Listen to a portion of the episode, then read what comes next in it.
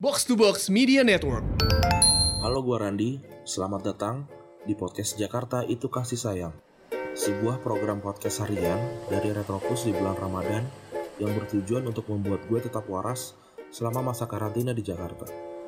Di tiap episodenya, gue akan bertanya tiga pertanyaan yang sama kepada orang-orang yang berbeda. Mari kita dengarkan sebuah cerita baru dari orang yang baru.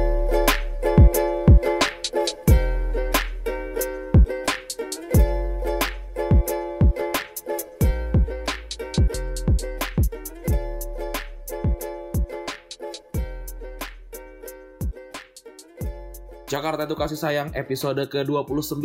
Gokil episode terakhir. Akhirnya be- beres juga nih eh, Campaign satu bulan. Dan di episode terakhir gue kedatangan eh, temen eh, Rekan kerja juga Orang yang ngebuka jalan buat gue Tapi seperti biasa kita biarkan orang ini yang memperkenalkan dirinya. Oke silakan. Halo, gue Tio Prasetyo Tomo. Sekarang ya sama panggilan salah satu founder Box to Box eh, dan juga eh, praktisi media lah. Oke Apa nih cerita yang pengen lu bawa di episode kali ini?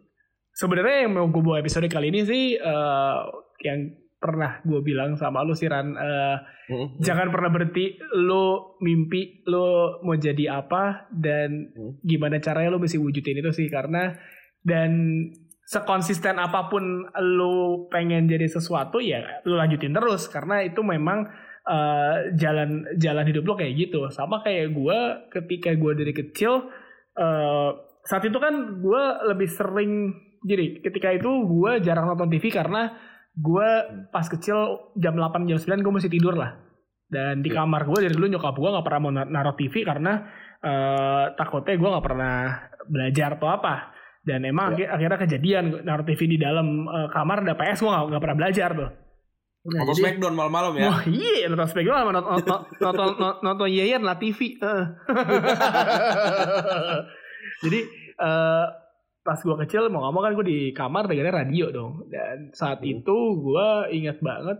Saat itu waktu itu MTV on Sky lagi baru baru keluar Eh, malam tuh siarannya tuh si Steny sama Ari Untung. Eh, Oke. Jadi dulu ada namanya The Kamprats itu gue dengerin malam tuh lucu banget lah dan di otak gue adalah ketika semua orang pengen jadi eh, penyiar radio di otak gue adalah "Gila, ini yang bikin yang bikin eh, alurnya bikin ceritanya keren banget ya jadi Iya. yang di otak gue adalah gimana caranya gue bisa masuk radio tapi bukan jadi penyiar saat itu gue Oke. saat itu gue belum tahu eh, sebutannya apa? Produser atau apa? Atau apa? Jadi di otak gue cuma pengen jadi part of eh, anak radio. Dan Iya. gue nggak melihat gue bisa menjadi penyiar radio karena eh, mungkin gue kalau ngomong itu suka nggak fokus. Ya gue kalau ngomong sama lu Oke. suka suka ke kiri ke kanan kiri ke kanan gitu kan? Nggak pernah fokus. Iya iya benar benar benar. Ya, jadi ya udahlah gue mencoba itu eh lo inget gak dulu yang zaman zaman kaset lo sering banget ngerekam ngerekam lagu habis itu lo potong Ditimpa ya? lo tiba-tiba lo lo potong-potong edit Hmm. sedemikian rupa lah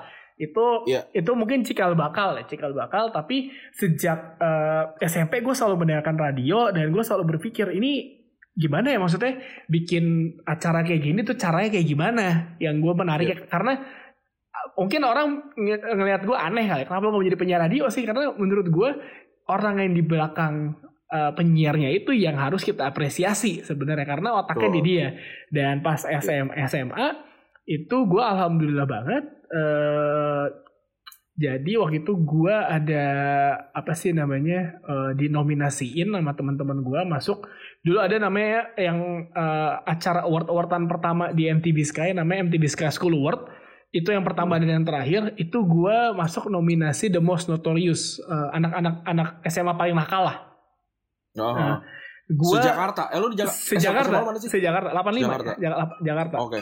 dan emang ternyata gue mungkin gak menang di notorious Eh, Oh. Wala- walaupun eh, kenakalan gue pas ketika diceritakan semua orang tertawa tapi itu kan based on Oh. ini ya based on ya udah jurinya ya jadi mereka ngelihat Lu ya gak angkatan itu ada siapa aja tuh? Yang bareng sama lu Eh, tuh. yang bareng sama gue eh wrong, Girinda Kara terus si Armanda Geraldi Aldi dulu penyiar Trax FM sama Hits terus ada aduh ada pokoknya tuh eh, anak-anak dulu tuh pas angkatan gue SMA itu sering banget bikin acara lo ingat ada The Power Hmm. of Putih Abu-Abu High School Ambassador Trax FM terus ada Iya, iya, tahu gue. I Am Tri School Han nah Heeh. ada beberapa tuh anak-anak itu yang sekarang aduh gue lupa deh pokoknya eh, rata-rata anak-anak model Gatsam sama model-model model-model cowok-cowok gitu lah yang ikut lah gitu Kawan makanya apa apa gadis high ya? Apa sih high? iya namanya? hai pokoknya apalah itu Eh, Hahaha. makanya gue akhirnya masuknya ke nominasi Most Notorious karena yang Hmm. yang nakal lah dan itu prosesnya tuh lumayan panjang tuh Eh, lo mesti ada audisi kayak Indonesian Idol ya nah Oke. pas gue Talent. talent talent talent gue asal talent dan saat itu gue makanya gue pikir anjing keren banget nih Eh, lu bikin acara kayak gini dan eh, ya salah satunya penyiar tapi orang di belakang itu ya pasti lebih keren lagi menurut gue ya Oh. kira gue menang nominasinya eh, most wanted yang paling banyak di SMS saat itu yang baik di vote Anjing. yang baik di vote ya gimana gak menang setiap kali nyokap gue apa namanya pengajian semuanya disuruh SMS ya kan Anjir, anjir. ya udah pokoknya Anjir gokil. Ah, dapat door prize lah gue saat itu gue belajar bahasa Inggris di British Council Singapura selama dua minggu semua Hmm. ditanggung biayanya ya pokoknya itulah berkesan. Terus tiba-tiba gue disuruh masuk High School Ambassador. Nah High School Ambassador ini salah satu pembuka jalan gue untuk menjadi part of eh, timnya Trax FM saat itu. Dan FY juga yang jebolan Trax Ambassador apa eh, High School Ambassador ini banyak banget yang akhirnya kerja jadi penyiar sama produser Trax FM kita bisa sebut eh Molen BKR itu salah satu High School Ambassador SMA 8 ya kan Ya. terus kalau lo ingat ada namanya Marsha Marsha penyiar Trax FM yang seka- sekarang jadi eh, yang pernah di apa namanya VOA dia tuh penyiar gue dia tuh dulu High School Ambassador Lab Sky Lab School eh, Kebayoran Al- Aldi itu Lab School Kebayoran juga eh, kalau sekarang lo ingat ada Aldi Derry Derry itu eh, High School Jadi Ambassador tahu. High School Ambassador SMA 82 gue di 85 Candika juga kan? Reza Candika juga. Haikal Kamil tuh sama Reza Candika gue yang milih ketika gue jadi produsernya. Eh, itu Al- Oke, oke. Alpus 3 terus banyak lah pokoknya yang akhirnya yang anak-anak high school ambassador i kalau nggak jadi produser jadi eh, penyiar. Nah gue saat Oh. itu eh, di otak gue adalah gimana gue caranya menjadi produser. Nah gue mati-matian tuh ikut ikut si high school ambassador ngumpulin anak-anak Oh.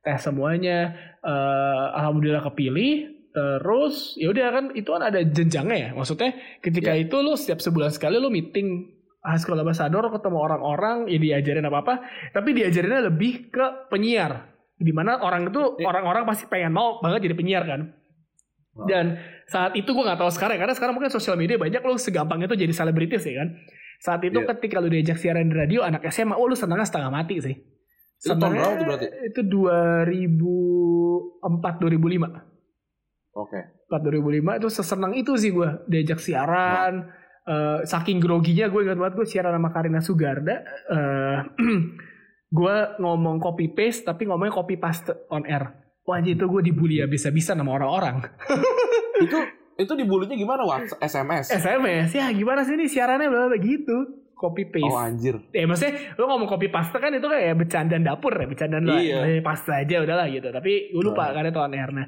eh, setelah itu ya setelah itu gue ikut acara-acara si Trax FM jadi kru gue inget kok gue jadi kru kok jadi runner gue di panggung ngangkat-ngangkat barang eh, jadi Iya. jadi kru terus ada momen Dan dibayar tuh.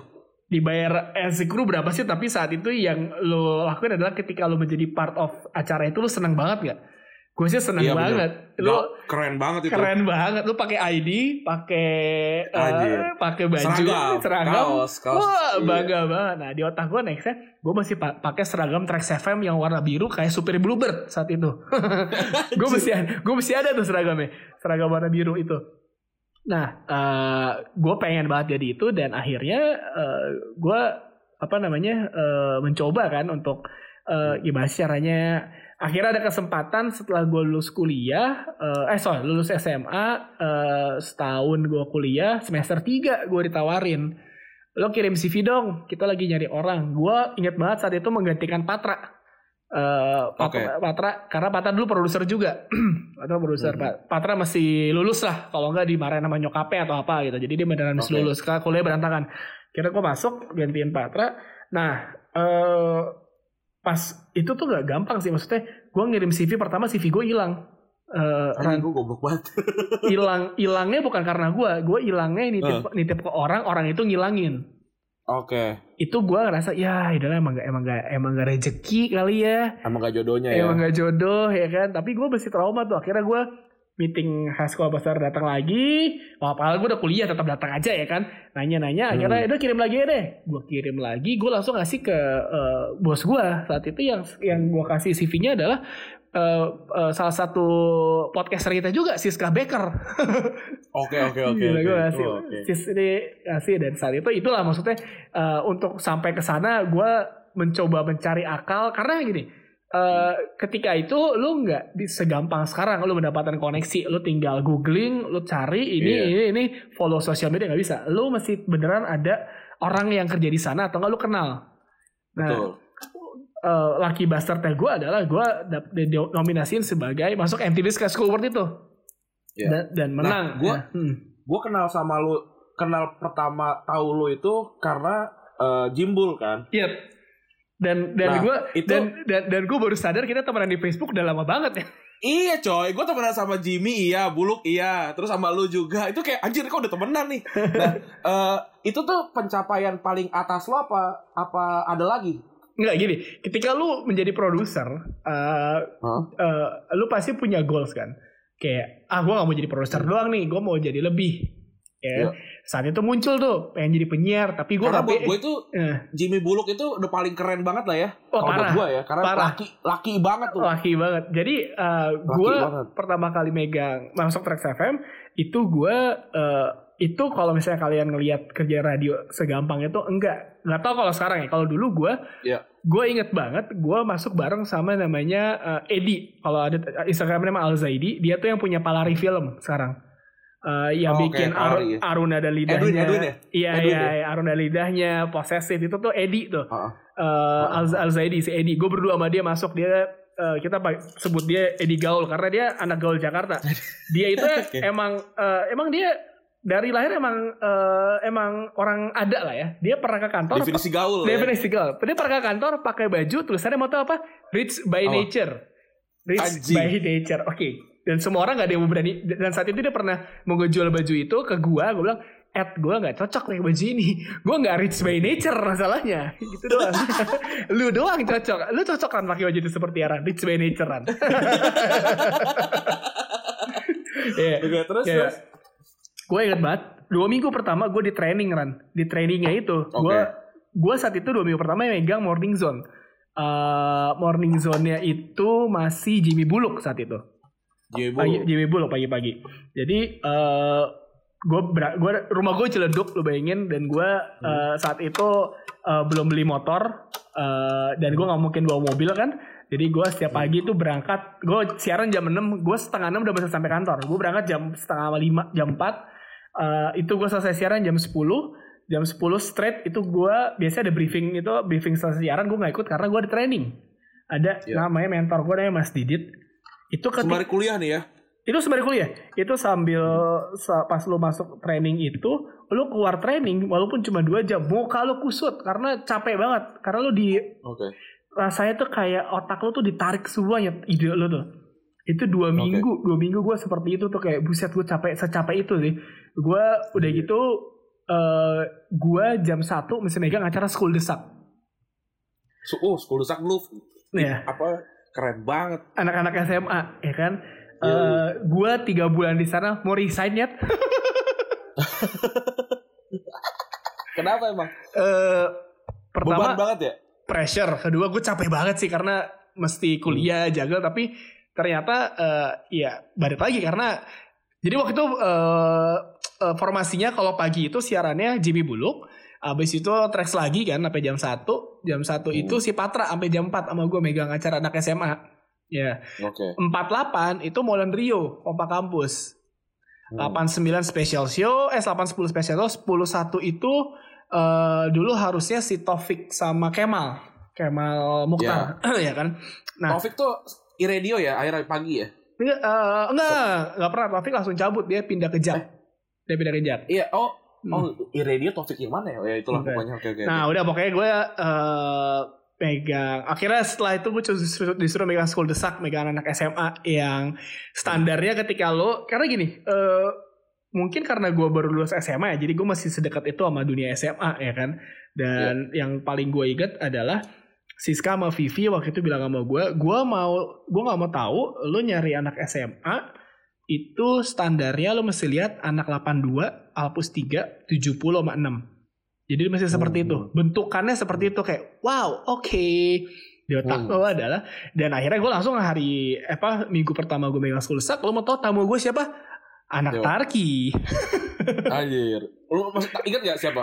Uh, Orangnya? Ingat gue. Dulu ini si apa uh, ah siapa namanya? Uh, benar-benar. Siapa anak Tarki yang anak hukum? Tasya Tasya Waroka namanya. Oke oke. Ya. Jadi sekarang ya jadi jadi, jadi, jadi orang ya. Jadi orang seperti ya sempat, sempat menghilang dia nggak tahu man. Sempat model okay. lah jadi model terus uh, di situ okay. ya terus uh, ya udah gue megang situ megang school desak berapa tahun ya dua tahun gue habis itu disuruh pindah perombakan megang Jimmy Buluk. Nah menurut gue hmm. megang Jimmy Buluk salah satu kenangan terindah banget sih karena lo yeah. Ya. uh, gue segitu deketnya sama Jimmy Upstairs uh, idola gue hmm. dari pas gue SMA siapa sih yang gila, siapa ya. sih yang pas angkatan SMA lu 2006 2005 gak joget gadis gangster? Ya kan di semua Anjir, pensi bener. raja pensi ya. Uh, lo kayak semua orang mengidolakan Jimmy Danger dan gue kerja sama Jimmy ya kan? Uh, habis itu gue kerja sama Buluk juga ya kan? Uh, uh, uh, gue ngomong iya kan sama iya enggak ya itu gara-gara mereka berdua sampai sekarang masih ke bawah. Friend. Ada friend aja sama buluk. Asli. Eh kalau Jimmy. Iya. iya. Sama kalau lu inget gue selalu ngomong bis diats itu buluk banget tuh bis diats. itu itu ke bawah sampai sekarang Ran. Lu bayangin maksudnya. Asli asli asli asli. Lu lu dengerin kompak kampus banget kan? Uh, As, gue gue dengerin, gue dengerin. Nah, gue itu Mak makanya tuh kayak gue ketemu sama Molan sama Rio tuh kayak anjir ini gue dengerin di waktu gue kecil iya, iya. Dan dan ke, ketika gue megang mereka, itu kan lo mesti nyatu sama karakter mereka dong ya kan? Iya. Jadi uh, gue inget banget tuh uh, karakter Jimmy kayak gimana, uh, Buluk kayak gimana. Jadi kalau gue bikin skrip hmm. itu gue bikin skripnya tuh per kata. Iya. Misalkan Jimmy karena, bilang karena mereka ngawur banget kan? Wah parah, Jimmy ngomongnya udah gue tulis dan gue ngebikin skripnya ngebayangin uh, ini dan saat itu bos-bos gue sangatlah tegas, tegas dan keras. Hmm. Jadi uh, kalau bisa perfect lo bukan 100% tapi 150% ya. Hmm. Itu itu lumayan bikin lu deg-degan tiap hari sih di kantor kalau lu salah tuh kayak aduh jadi hmm. jadi kalau misalkan uh, anak-anak zaman sekarang baru kerja ataupun setahun kerja gara-gara bosnya rese marah-marah ya mungkin lu bos lu marah-marah tapi nggak nggak ngajarin kali atau enggak bos lu cuma iseng dikit marah terus lu baper kalau di angkatan doang ya angkatan gue bahasa kebun binatang dan lain-lain tuh udah hari-hari gitu. Lu pada hmm. ber bertiga pada kena KP KPI nggak pernah nggak? Uh, Alhamdulillah selalu lolos. Anjir. karena karena karena gini, lu inget gak kalau Jimmy Buluk itu suka ngomong uh, apa namanya gini, uh, botol, wasaitol, mau kalau kayak kon gitu, inget ya? Iya iya iya. Ini ya, sering ya. Itu berapa kali mereka ngomong itu gua keplak tuh nggak palanya. Itu itu sering banget ngomongnya wasai apa ya lewat tol pren. Wah saya tol kalau kayak eh wah itu sering dan dan gue belajar banyak dari mereka. Kayak misalkan uh, prinsip lu hidup sekarang besok besok tuh dari mereka tuh. Mm-hmm. dari buluk tuh tipenya hari penyudut besok penyudut gak masalah. Yang penting hari ini gue senang senang betul kalau kalau Jimmy Jimmy lebih manusiawi ya kan? Karena dia mau mau berkeluarga lah gitu dan lain-lain. Yeah. dan ya udah maksudnya gue megang dua orang itu dan gue saat itu berpikir wah ini impian gue dari gue kecil SMA atau SMP nih hmm. karena gue pengen jadi belakang layar dan gue megang Jimmy Buluk ya kan? Megang Jimmy Buluk uh, yang notabene dua-duanya rockstar saat itu. Uh, ketika orang lu nonton dia di panggung lu ngeplak-ngeplak dia di ruang studio. Kayak ngeplak pakai skrip tuh nggak? Ngeplak yang bener sih gitu. Pernah gue ngambek sama mereka gara-gara eh ngomong-ngomong-ngomong mereka kayak bercandain gue kayak ah tai lah. Kayak langsung iya maksudnya lu mungkin pengalaman itu yang nggak banyak didapetin orang-orang sih itu kan. Iya, karena uh, paling berat bagi bagi orang bagi produser radio adalah ngurusin penyiar sih. Kalau penyiar lo asik sih enak banget. Alhamdulillah gue selalu mendapatkan penyiar yang asik-asik ya. Kan gak ada yang tahu. Yeah. uh, kalau penyiarnya yang beneran emang penyiar senior kan lo mesti hati-hati juga kan. Setiap penyiar kan gayanya beda-beda kan, gitu. Dan dan gue ya dua tahun di Kompak Kampus, habis itu dipindahin ke malam-malam Molan Rio selama dua Oke. tahun. Nah ya habis dari situ baru tuh gue uh, ditawarin naik jabatan di tes jadi SPD.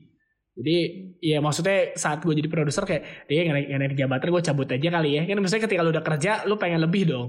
Kayak Iya benar. dan tapi satu yang menarik menurut gue ketika lo kerja di Trax FM saat angkatan gue dan kawan-kawan ya saat itu eh eh, dengan gaji lu yang nggak sebesar itu tapi lu masih bisa eh, hidup seperti ala anak-anak Jakarta Selatan seperti sekarang setiap akhir pekan gue juga nggak tahu Karena duit- gratisan. itu dia gue nggak tahu duitnya dari mana tapi hidup aja tuh kita ya kan Betul betul betul. weekend tuh selalu ada acara hits. Gue jujur selama gue nonton, selama gue jadi radio, gue nonton konser dari pertama kali gue masuk sampai akhirnya gue cabut ke Filipina itu gue gratis.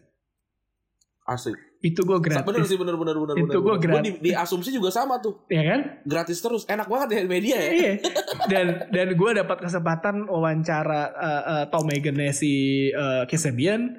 Gue wawancara Toro Imoa, gue wawancara Tom Dilong, walaupun gue cuma nemenin Molen doang, ya kan? Hmm, Eh, hmm. terus ketemu sama eh, siapa vokalis Incubus tuh gue lupa aduh itu juga nggak tahu. eh ya vokalis Incubus abis itu wawancara si Fatboy Slim dia ke kantor Hmm. Fatboy Slim datang ke kantor eh, dulu Esa Bones Esa Babibu satu kantor tuh sama gue Esa Hmm. Anka nah di mejanya Esa di atas ada poster Hitler Anjing. bagi orang Eropa ada foto Hitler itu kan kayak, wih ini kan penjahat perang. Tapi di kita di poster ditempel, di foto sama dia katanya wah aneh banget ini negara nih ada foto Hitler dipajang lagi. Fatboy Slim tuh, itu aneh banget. Masih. Eh sama gak ngerti kali ya.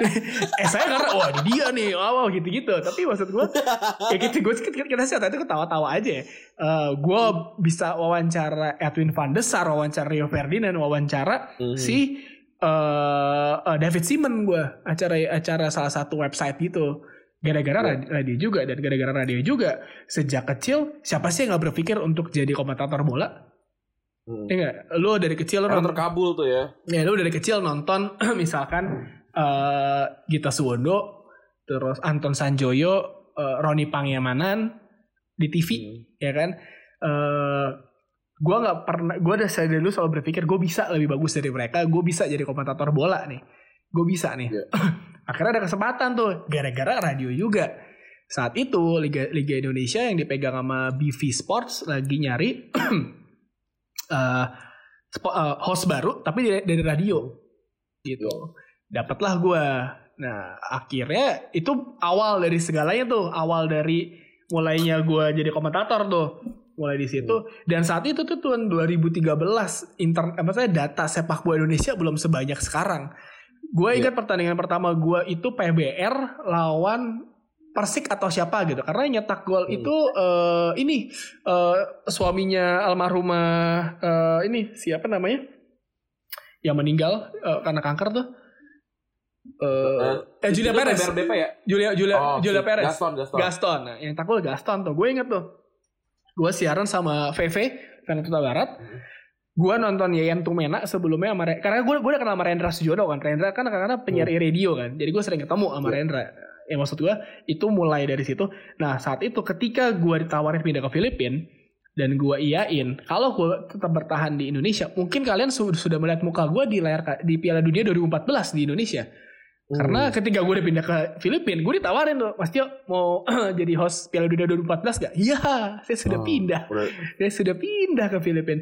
Dan itu yang menurut gue kayak, wah gue pindah ke Filipina, hilang nih koneksi gue. Tapi setelah itu gue balik, ke- balik ke Jakarta, ternyata eh, pelan-pelan ya gue masuk 442 waktu itu eh, eh, masuk 442 abis itu tiba-tiba pelan-pelan eh, mulai lagi membangun ketika eh, ini apa eh, liga sepak bola yang kita di band itu ingat gak yang kopi-kopi itu Oh ya, Eh, liga kopi itu Torabika Championship itu Torabika ya. Ya, Torabika ya, ya, sih. itu O Channel tuh manggil gue karena O Channel Hmm. bekas anak-anak MRA kan.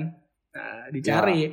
Itu saat itu gue cuma komentator play by play doang. Akhirnya pelan-pelan pelan eh, mereka megang Liga 1, gue meg- jadi hostnya Liga 1 dan mereka nanya, "Siapa nih, Yo?" Yang cocok Jerry Arvino. Karena gue pernah Hmm. karena sebelumnya gue kerja di kan sama Jerry Ah. kan. Jadi menariknya adalah 2016 itu eh, gue ditawarin tuh gara-gara pange. Lo mau nggak? Eh mau deh. Akhirnya gue ketemu Bona ketemu Valen eh, dan gue inget banget ini eh, akhirnya gue suruh milih stay di radio atau lo cabut lo ya udah lo fokus di Bein aja gitu. Sama Superpower tuh akhirnya gue milih memutuskan ke eh, Bein aja lah gitu. Karena menurut gue gue saat itu kan di MNC ya di V Radio. Gue pikir kayak ya udahlah mungkin wah, masa gue di radio udah kali ya. Udah kayak merasakan dari bawah sampai atas terus gue tahu semuanya pengulangan juga semuanya. Kalau lo denger radio kan lo pasti mikirnya misalnya gini hari ini misalkan hari eh, peluk sedunia. Tahun depan lo pasti nggak bahas Iya. itu lagi deh dengan angle yang berbeda. Iya benar benar benar benar. itu radio tuh kayak gitu pasti Oh. selalu kayak gitu. Pengulangan pengulangan tuh pasti dan itu menurut gue kayak udahlah gue udah 10 tahun anjing. Ya kan? Akhirnya gue saat itu Biin masih siaran di Singapura. Gue inget banget Eh, hari Jumat pagi Bona coba WhatsApp gue yuk bawa baju aja buat dua hari eh, di eh, Singapura. Kalau jadi berangkat hari ini Jumat. Oh ya udah. Gila gue baru nyampe kantor terus jam 11 disuruh ke bandara terus gue naik Bon tiket gue mana tiketnya belum ada tiket pesawat Hmm. Terus tapi udah ada ininya, udah ada jamnya, jamnya 145. Tapi tiketnya belum belum ada di tangan. Dan ternyata gue saat itu di Singapura dua minggu dari yang cuma dua hari. Jadi saya baju Anjir. saya cuci terus. Untung saya punya saudara di sana, ya kan? Jadi itu maksud gue ngebuka jalannya tuh dari berbagai macam cara sih. Dan tapi kalau gue Iya. Bisa menjadi komentator sepak bola itu karena ya gue di radio gitu. Karena eh, nggak bisa dipungkiri juga radio itu ngebuka banyak jalan sih Ran. Jadi mimpi gue dari kecil gue coba pengen jadi belakang layar radio terus gue dari kecil nonton Gita Suwondo Yayan gitu-gitu akhirnya gue bisa kerja bareng sama mereka yang sampai sekarang gue masih aneh rasanya. Karena gue ngeliat mereka di layar kaca tapi gue sekarang satu studio satu pertandingan sama mereka ngebahas Iya. ada debat-debatan dan itu sebuah pengalaman dan mimpi yang kayak wah cek kejadian loh beneran loh jadi Hmm. kayak kadang tuh gue selalu selalu berpikir eh masa depan tuh lucu ya lu cuma bercanda pengen kayak gini tiba-tiba dikasih lo sama Tuhan kayak ditiup "Uh, nih jadi nih jadian tuh gue gue nonton Imran ini ya, apa ah? Gimana? Apa eh, ternyata nggak cuma cukup apa kemampuan tapi butuh kesempatan sama kebetulan tahu orang yang ada di situ ya. iya Iya, iya maksudnya itu kan itu kan apa eh eh, semesta gitu kan. Kita Iya, iya. kita nggak pernah tahu apa yang semesta lakukan tiba-tiba anjir ah, bisa nih. Hmm, hmm. kayak gitu emang beneran kayak tiba-tiba kayak nih jadi nih gitu loh maksud gue Iya iya iya. kayak eh, di tracks lah. Kalau gue nggak ikut MTV Sky School Award, eh, mungkin eh, gue nggak nggak nggak ada Tio yang sekarang. Kayak sesimpel gini, gue selalu bilang sama Esa, Esa tuh ingat banget gue dulu, Esa Esa Babi Bu itu pagi-pagi ke Hmm. rumah gue nanya, yo ada ada kerjaan nggak? Gitu. Ada nih di tracks. Itu gue inget banget. Kalau saat itu Esa nggak nanya, ada yang nggak ngirim sih, mungkin nggak ada Babi Bu kali. Ya, maksudnya Iya, kan, benar. ya maksudnya kan semua kan iya berjalan lah. ya. Eh, saya jadi presiden tapi Jangan gitu. Kayak sesimpel gini deh. Yang yang, yang paling konkret adalah kalau di Twitter saat itu nggak rame-rame soal box to box bikin eh, podcast Jepang-Jepangan, inget gak? Hmm. Terus Iya, iya. terus gue gak berpikir, ah Rindra sama Randy nih gabungin sama Rana. Gak ada di otakku Iya. box ya kan? Iya betul Ya kan? betul betul betul betul. Banyak lah maksudnya. Iya. Iya, banyak lah yang yang sebenarnya kita nggak sangka, wah ini kali kita tuh kemampuan kita adalah mengumpulkan orang-orang gitu. Betul. Dan, dan dari itu semua ya eh, ketika maksudnya perjuangan lu 2004 sampai ke 2018 kita ketemu itu juga kayak kalau lu nggak begitu nggak ada box to box kalau nggak ada box to box nggak ada retropus yang kayak sekarang kayak gitu Ya kan. mungkin, Maksudnya Wah, mungkin, mungkin. kayak- iya kayak Heeh. saya hidup hidup gue masih masih jadi karyawan eh, BUMN ya benar karena karena kan orang mungkin ngelihatnya sekarang kayak oh ini kayak misalnya wah bang Tio keren mereka tuh nggak nggak nggak tahu kan gimana dulu gue ngejagal gue bayar kuliah sendiri dengan gaji yang seperti Iya. itu gue bayar kuliah mencoba untuk menyelesaikan kuliah eh, dengan sambil kerja wah itu nggak gampang sih dan, Dan- ketika ketika lu, lu, lu pernah, pernah cerita kan eh, yuk, eh, Hmm. di, di hari lebaran ini kan kita mau kita lagi lagi nuansa lebaran nih Aha. di hari lebaran lu harus datang ke Sarinah dari Aduh. Ciledug naik motor kan gue pernah inget ya yang lebarannya diundur sama pemerintah iya iya iya Jadi kalau di radio, radio itu, itu kan udah, udah setting nih. Oh, lebaran tanggal segini, pas hari itu lu setting ada jingle greeting, halo saya Tio dari Bos Subuh Selamat Lebaran gitu gitu ngerti Oh. ada jingle seperti itu kan. Lognya ya, log, log siaran Log gitu ya. siarnya masih. Nah saat itu kayak tiba-tiba gue ketawa-tawa. Nah eh, saat itu posisi gue asisten program director ya. PD gue udah pulang kampung ke Cirebon. Terus kayak tiba-tiba kayak, Hmm. ya pemerintah digeser. Gak mungkin dong besok belum lebaran, tapi semua lo udah udah lebaran. Wah gue naik motor sih jam satu malam, Anjing. jam satu malam, wuh kebut ya kan, ganti sama operator Dedikasi gue. banget ya, gila. Op- karena waktu itu di rumah gue internetnya gak kencang, jadi gak bisa remote, ngerti ya? Dan, Oh, oke, dan oke, saat oke. itu remote tuh di- dilarang lah sama kantor gue. Jadi gue ke kantor naik motor Oh. dari Ciledug sampai Sarina. Udah kayak Anjing. udah kayak Senayan ini, Senayan ke Kuningan doang ya kan? Iya, kayak, anjing. kayak beneran gue ganti semuanya beres balik itu tapi maksud gue itu adalah bumbu-bumbu lah yang yang menurut Hmm. gue seru lah dan ada momen, momen banyak lah di radio apalagi kalau Sarina lo tahu kan sese- seserem apa kan tapi maksud Iya. gue ya gue inget ketika gue mesti ada kuliah Senin uh, dan gue selesainya jam 12 acara gue jam 1 lo mau tahu Hmm. apa yang gue lakukan gue hari minggu datang ke kantor bikin skrip bikin skrip sampai ma- dedikasi sampai malam. Jadi besok gue kuliah dengan tenang. Gitu. Tuh. benar. dan dan dan gue orangnya kan sebenarnya mageran ya. Tapi itu ya karena bos gue dua orang eh, eh, yang benar-benar gue lihat terus beneran se se se se, se, se strict itu sedetail itu mau gak mau gue mesti mengikuti mereka kan. Jadi gue Iya. hari minggu beneran datang ke kantor ngetik ya kan? Gue inget banget ada Gokil. operator gue jam 11 malam yuk gue beli makan di bawah. Iya gue sendirian gitu. Terus tiba-tiba keran pantry Trax FM nyala nggak ada orang. Anjing. aduh. Terus gue di depan komputer gue tuh ada sekat jadi gue mau gabung atas sekatnya. Aduh nanti tiba-tiba ada pala ya kan? Uh, saya buka bokep saja Aduh, oke. Itu tadi ceritanya anjir. Seru se- seru sekali nih Hmm. eh, perjalanan karir Tio Prasetyo Utomo ya. Mhm. Dan gua masuk ke pertanyaan gue ya, tiga Hmm. pertanyaan gue ya. Hmm. Kalau cuma ada satu lagu yang tersisa di dunia, lagu apa itu dan kenapa lo pilih lagu itu buat lo? wah gila lu Ran lu ya ah Yoi. eh, eh, Satu aja. satu lagu dari dari apa aja Apa aja? Eh, oh ini eh lagu gua pasti milih eh, Desire-nya Pure Saturday Anjir. Kenapa?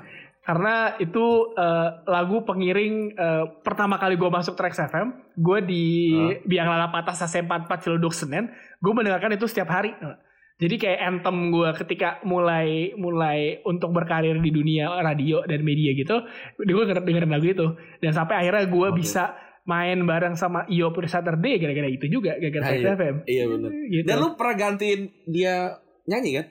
Eh, bukan itu gue kan? bukan Pure Saturday gue gantiin ini Apa sih lo gitu? gantiin di Adams. Jadi Oh lu dihadal. di Adams, jadi waktu itu di Adams di di teras kota panggung. Jadi sebelumnya ada band Oh. gue, band teman-teman gue namanya Hmm. Palen TST manggung. Nah si Aryo nya sakit, Oke. ya kan. Terus ada Ale, gue kenal Ale kan. Ale anak-anak anak-anak Iya, di iya. Adams gue kenal kayak, yuk mau nyanyi nggak? Dan waktu itu manajer Hasif waktu itu, Hasif Rolling Oh, Stone ya. kan. Lu mau nggak? Ah, Yaudah nyanyi apaan? Lu mau apa? Yaudah deh, ada ada pilihan deh. Wah, gue gak mungkin nyari nyanyi lagu konservatif. Lu konservatif, Ale yang mau nyanyi. Oh yaudah. Kira gue nyanyi Most of Love, Masjid Cinta. itu, itu, itu gue uh, ada rekamannya. Ntar gue kirim dulu deh. Ada hasil pernah ngirim rekaman ke oke, gue. oke, oke. Jadi gue. Anjir. uh, jadi pernah Diiringi oleh Ale ya. Iya, gokil. Ale. Jadi ada momen yang uh, refrekan I love you so itu gue lempar ke penonton. Oh rockstar, sangat-sangat rockstar. I love you Itu so. di- lempar. Itu di mana tuh? Berarti di ini di aduh apa sih namanya tuh? di teras kustik bukan teras kustik ya di teras teras kustik acaranya apa? Di, di acara mall apa namanya? Apa ya Citos, Citos. bukan bukan itu di teras kustik teras kustik eh teras Oh, kota di- di- Tera- teras kota BSD Oh, di- Oh, jadi oke, teras oke, kota oke. BSD bikin acara namanya teras kustik setiap uh, bulannya nah saat itu band utamanya di Adams Mhm. gitu jadi Nah, gue dan lu ngegantiin ngegantiin, ngegantiin. Aryo asli itu aneh banget ya. Oke. Itu gue menyesal kenapa saat itu belum ada sosial media seperti sekarang ya. Siapa tahu saya, Hmm. bisa, saya bisa jadi viral saat itu. Ah, bener gitu. Nah, di lirik mana yang di Desire yang paling lu suka? eh yang eh gue ingat dulu. I can say anything. Uh, or, oh, I can say any or bring you something. I hope you feel uh, my desire. Itu sih bagian ref itu sih. Karena Oke oke. menurut oke. gue kayak, uh, desire lo tuh ke, biasanya itu sebenarnya buat cewek kan ya, buat pasangan. Tapi kalau menurut gue kalau Ah. desire lo buat kerjaan tuh kayak, oh gue bisa memberikan segalanya gitu buat kerjaan. Tapi ya karena Ini, udah, ini, ini, ini go, go to song gitu ya kan, go to song gue lu tuh ya. so, gue tuh song gue kalau ketika gue mau berangkat kantor. eh, jadi saat itu Hmm. yang gue dengerin adalah itu sama eh, Oasis yang Aquis yang Oke, eh, oke, oke. tapi karena kan buat pagi ya kalau pagi lo ngantuk ya jadi antara itu Hmm. gitu sih kan Oke. Hmm. Oke, eh, pertanyaan kedua nih. Apa pedoman lu dalam menjalani hidup? Bisa quotes, mantra, ayat kitab suci bebas. oh, ini pedoman gue kan kalau mau bulan Hmm. puasa kayak Al-Quran lah tapi Al-Quran ketika lu baca terjemahannya lu takut sendiri ya kan Eh, kata-kata kata-kata tertentunya dari Al-Qur'an enggak, enggak, enggak, enggak, enggak, enggak, bukan, enggak, gue Anjir. bercanda aja, enggak mungkin, enggak mungkin. Anjir ya. Makanya gue shock juga nih. Eh, pedoman gue, eh, pedoman gue seperti yang sering gue bilang ke lu dan kawan-kawan kalau lo inget datang ke Hmm. kawan gue dapat tote bag-nya nyaman itu priceless, udah itu aja. Gimana cara lu memaknai nyaman itu priceless? Ketika gini, sesimpel kayak misalkan lu di, di tempat kerja, lu dapat tempat kerjaan, Hmm. terus lu ngerasa kayak, wah gue ternyata gini, kan ada orang yang sebulan, sebulan dua bulan itu adalah masa-masa Hmm. krusial lu bertahan apa enggak di satu perusahaan kan. Ketika Iya, lu betul. ngerasa kayak, aduh gue nggak bisa nih, gue nggak bisa ngelewatin masa dua bulan, bulan ketiga, bulan ketiga itu menurut gue tuh kayak benar, oh gue oke nih di sini. Dan kalau orangnya dari awal udah nyaman, kayak misalnya, wah emang gue mau masuk sini dan goals gue ini, lu pasti dari awal masuk tuh udah kayak duduk, ah yaudahlah emang tempat gue di sini. Dan Iya. pela- lu gue selalu ngerasa nyaman itu nggak bisa digambarkan dengan kata-kata ya. Lu cuma tahu kayak misalkan Iya. lu sesimpel lu misalkan dekat sama kenal sama cewek baru pertama kali ketemu lu ngobrol ngeklik langsung kayak wah ini dia nih Ini kayak sih chemistry-nya chemistry-nya gitu loh. Jadi sebenarnya ny- Aha. nyaman itu proses kayak chemistry lu eh, terhadap sesuatu itu adalah paling penting sih. Kalau lu dari awal gak ada chemistry ya mendingan kayak ya udahlah ya. Ya udahlah kayak lu Oke. kayak, kayak kayak lo sama Febri deh. Lo sama Febri kalau gak ada chemistry gak bakal Betul. gak bakal retropus kan? Kayak Betul, gitu. betul, betul. Kayak pertama tuh kita harus merasa aman dulu, terus Hmm. habis itu baru nyaman. Iya, aman, nyaman. Betul. Nyaman itu priceless, ya kan? Oke, pertanyaan terakhir, apa yang paling merubah hidup lo? Eh, apa eh, pandemi ini merubah apa yang paling di hidup lo? Eh eh, merubah gua untuk Ini lebih udah mau tiga bulan nih kita di rumah nih anjir. fakran Eh, merubah gua untuk lebih sabar nggak keluar rumah karena gua basically orang yang nggak bisa tahan di rumah sih itu simpel banget kan tapi Hmm. tapi orang kayak gua yang kayak mena- bertahan untuk gak ke mana-mana keluar pun muter-muter doang ketika uh, gue masih kayak ketika gue masih ngetek kultum nih bulan puasa di kantor Oh. gue seneng banget tuh kayak wisata gue jadi Anjir. ketika WFA ini lu menghargai hal kecil sekecil itu kayak sesimpel eh, sebelum sebelum gua sebelum covid ini kan eh, istri gua sama gua sibuk banget ya maksudnya jarang lah ada waktu lama. Dan tiba-tiba kasih covid 24 hour bang. 24 7 ya kan? Ada momen kayak gue nanya sama dia kayak nih lu belum merasakan ada social distancing sama gua kan karena karena kan iya maksudnya yang nguru- pasti orang banyak yang kayak gue lah. Itu itu paling Hmm. dasar banget. Tapi menurut gue gue sangat susah untuk bertahan di satu tempat yang lama ya itu gue Iya, benar. sangatlah rungsing kayak misalkan kalau normal misalkan malam-malam kayak run kasbar yuk. Itu kan enak ya Ya, Ya, ya ini kayak Let's go. Wuh, kayak, wah ini kita mau ke mana? Kita tetap aja main. Ya, ya maksudnya gitu lah. Maksudnya ya pasti semua orang receh sama kayak gue kok jawabannya rata-rata lah ya. Oke. Gitu gue gak tau kalau yang yang pernah Lo wawancara.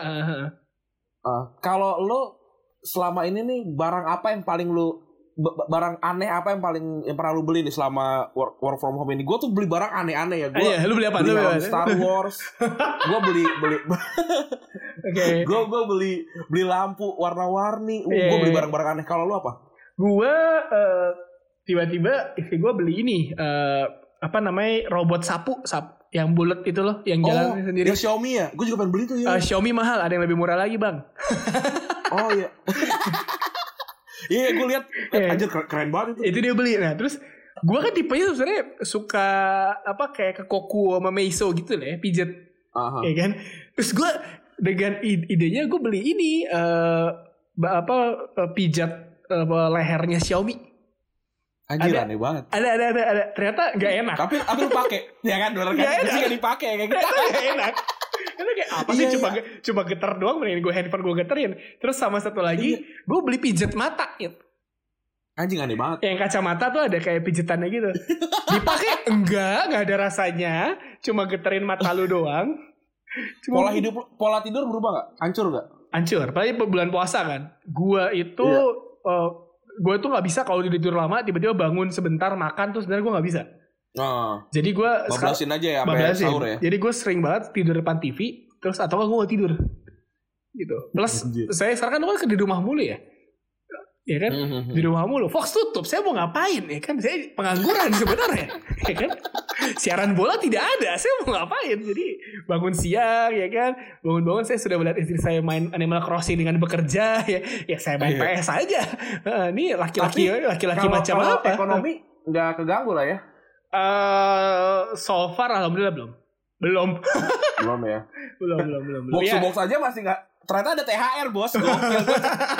Anjir ada duit iya, gila. iya. Keren. karena karena Keren. bapak bapak sudah setahun jadi full gajinya Iya betul. ya ya ya ya ya ya ya ya ya alhamdulillah ya oke deh.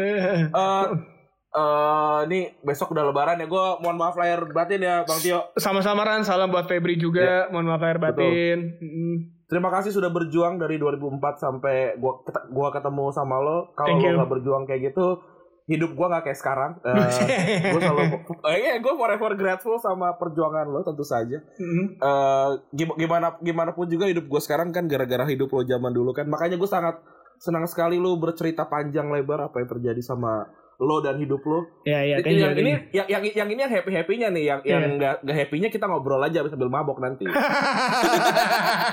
Gak happy-nya gajinya kecil. Oke, terima kasih teman-teman yang sudah mendengarkan, terima kasih yang sudah Thank mengikuti per- perjalanan kita 29 hari ini di bulan Ramadan. Sehat-sehat terus buat lo juga Bang, buat lo keluarga segala macam. Sama-sama Ran, semoga salam buat semuanya. terdampak. ya. Mm. Ya, eh, terima kasih teman-teman sudah mendengarkan episode terakhir. Gua Ran dicabut. Terima kasih Bang Tio. Bye. Ran. Dah.